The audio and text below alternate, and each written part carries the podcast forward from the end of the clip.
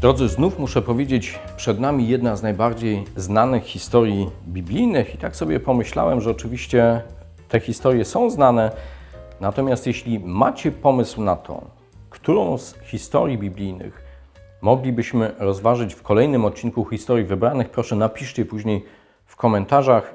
Zobaczymy jeśli damy radę, to spróbujemy w jednym z kolejnych odcinków jedną z tych historii, a może więcej rozważyć. Dziś wracamy, tak jak powiedziałem, do jednej z najbardziej znanych historii biblijnej.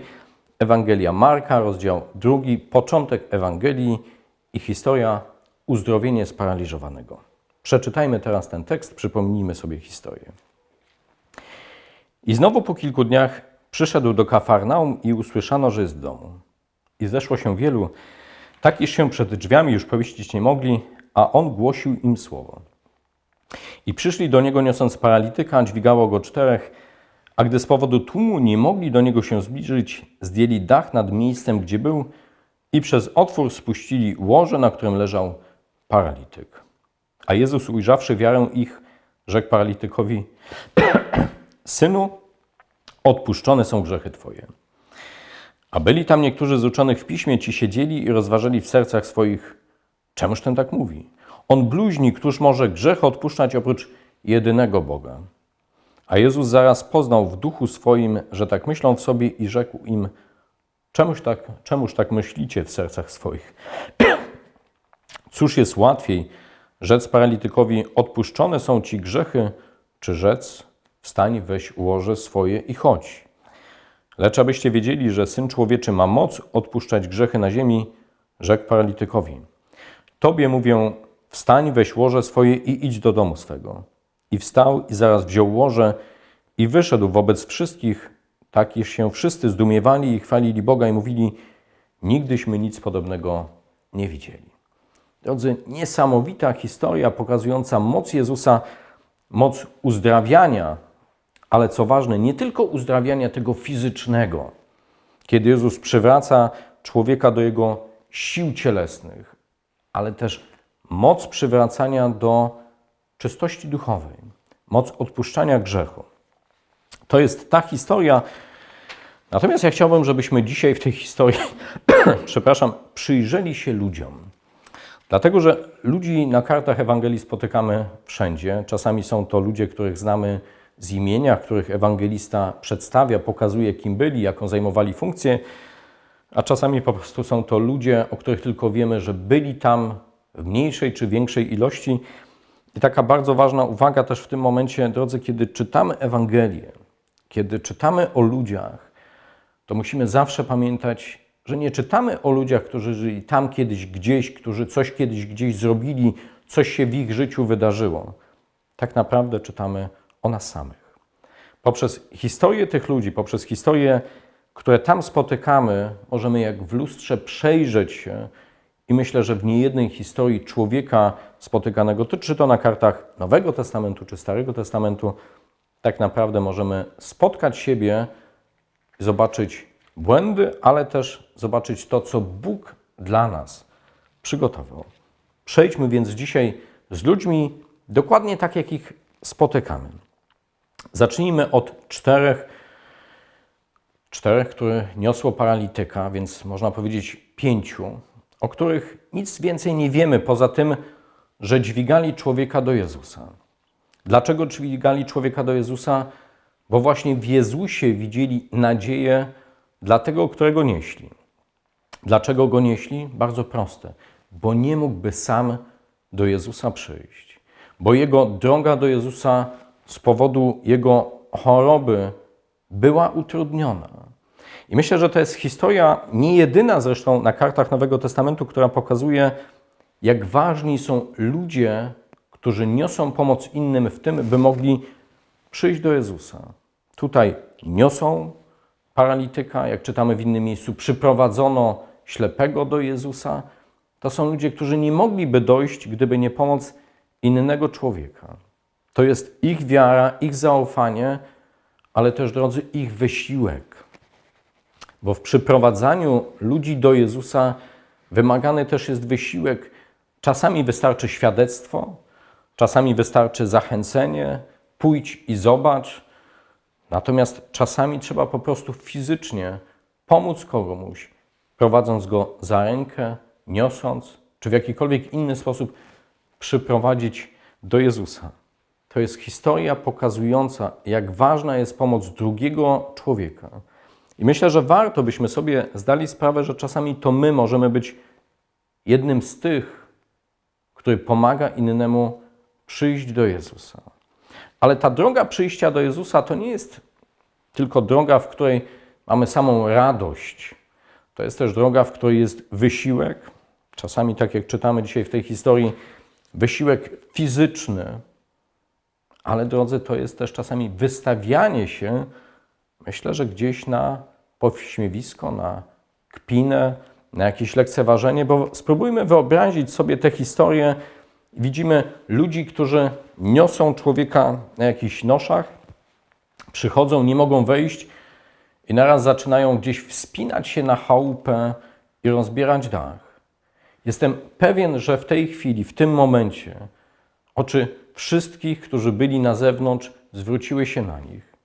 A generalnie my, ludzie, raczej wolimy pozostawać w cieniu, a bywa tak, że właśnie wtedy, kiedy pomagamy innym dojść do Jezusa, właśnie wtedy tak naprawdę oczy innych zwracają się na nas i nie możemy tylko liczyć, że otrzymamy brawa, fantastyczną rzecz wykonałeś, fantastyczną rzecz zrobiłeś, ale czasami możemy usłyszeć, co robisz, wariujesz, wygłupiasz się, zostaw, przesadzasz. Myślę, że to nie raz głosy, które do nas dotarły, kiedy pomagaliśmy innym dochodzić do Jezusa.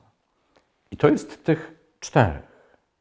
W tej historii największą grupę ludzi stanowi tłum.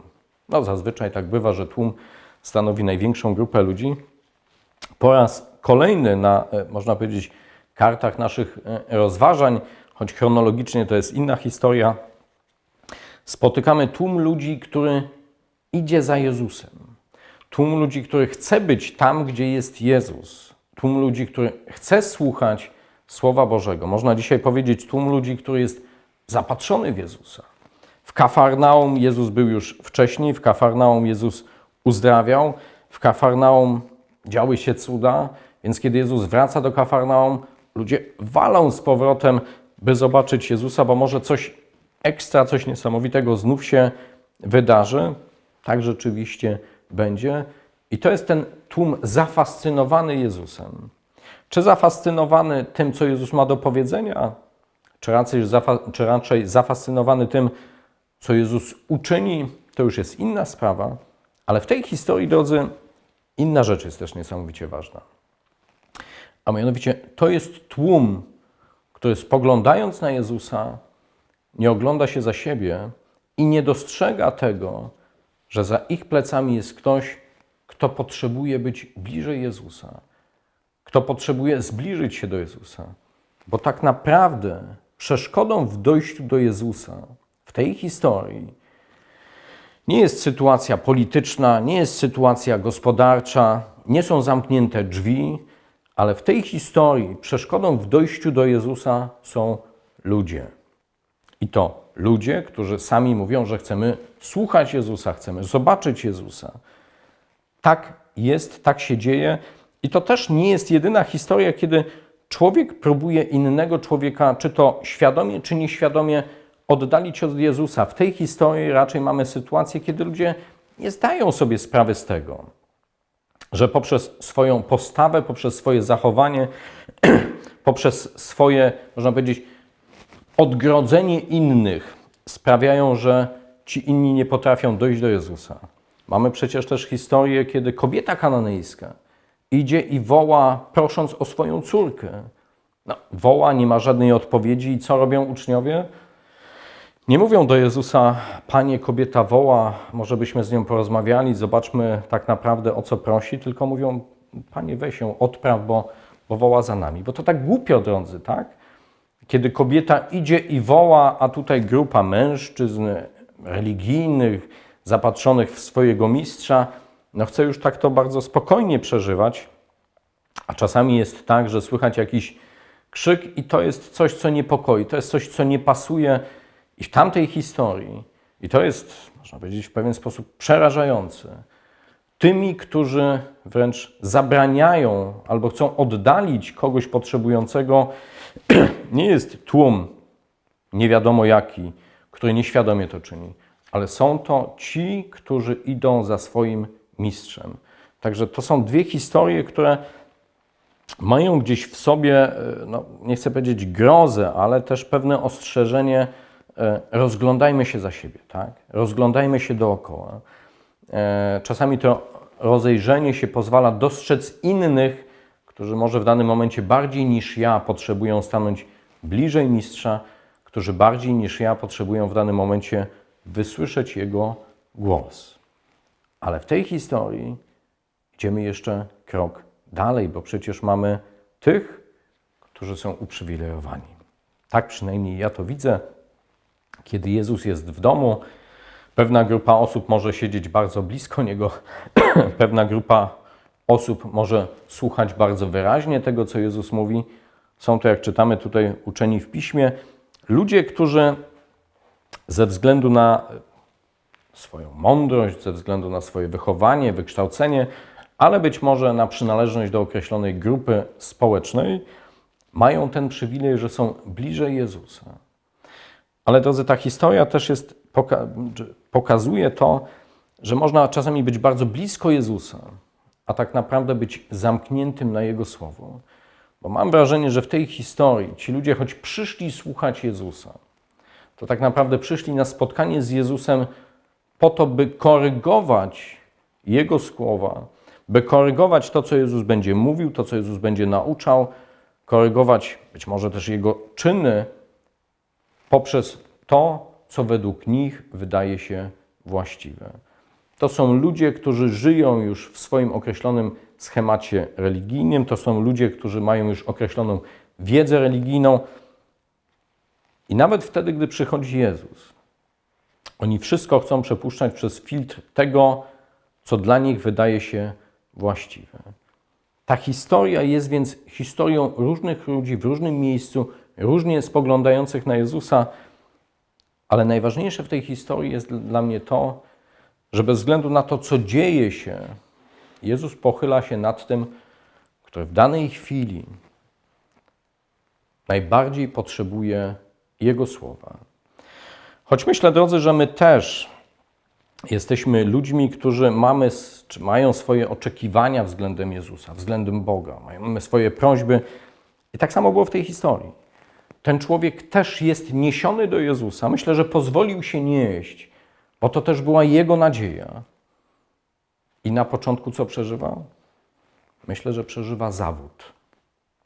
Bo kiedy Jezus mówi, odpuszczone są ci grzechy Twoje, myślę, że ten, ten człowiek kompletnie nie rozumie, co się dzieje, co Jezus mówi, bo on przyszedł tutaj po to, by stanąć na nogach, a nie po to, by słyszeć jakąś, przepraszam, religijną gadkę o odpuszczaniu grzechów. On przyszedł, ze, czy został przyniesiony, pozwolił się być przyniesionym ze swoimi oczekiwaniami. I myślę, że w tej pierwszej reakcji on się zawiódł. Ale bycie przy Jezusie to jest bycie dalej niż tylko do momentu, w którym myślę o tym, co przyniosłem w ramach swoich oczekiwań. Efekt końcowy jest, można powiedzieć, taki, jaki się spodziewał, ale on otrzymał, drodzy, coś więcej niż tylko fizyczne uzdrowienie. On otrzymał najpierw duchowe uzdrowienie. Bóg pozwolił mu, Jezus pozwolił mu najpierw stanąć, można powiedzieć, na tych duchowych nogach, on, on jeszcze tego nie czuł, a potem pójść w świat. Dlatego, kiedy przychodzimy do Jezusa, pamiętajmy, że to On wybiera słowo, które do nas kieruje. I to On czyni wszystko tak, byśmy mogli być oczyszczeni i fizycznie, i duchowo, byśmy mogli być tymi, którzy wstaną i pójdą w ten świat, by głosić Słowo Boże, mówiąc Bogu niech będą dzięki. Do zobaczenia w kolejnym odcinku.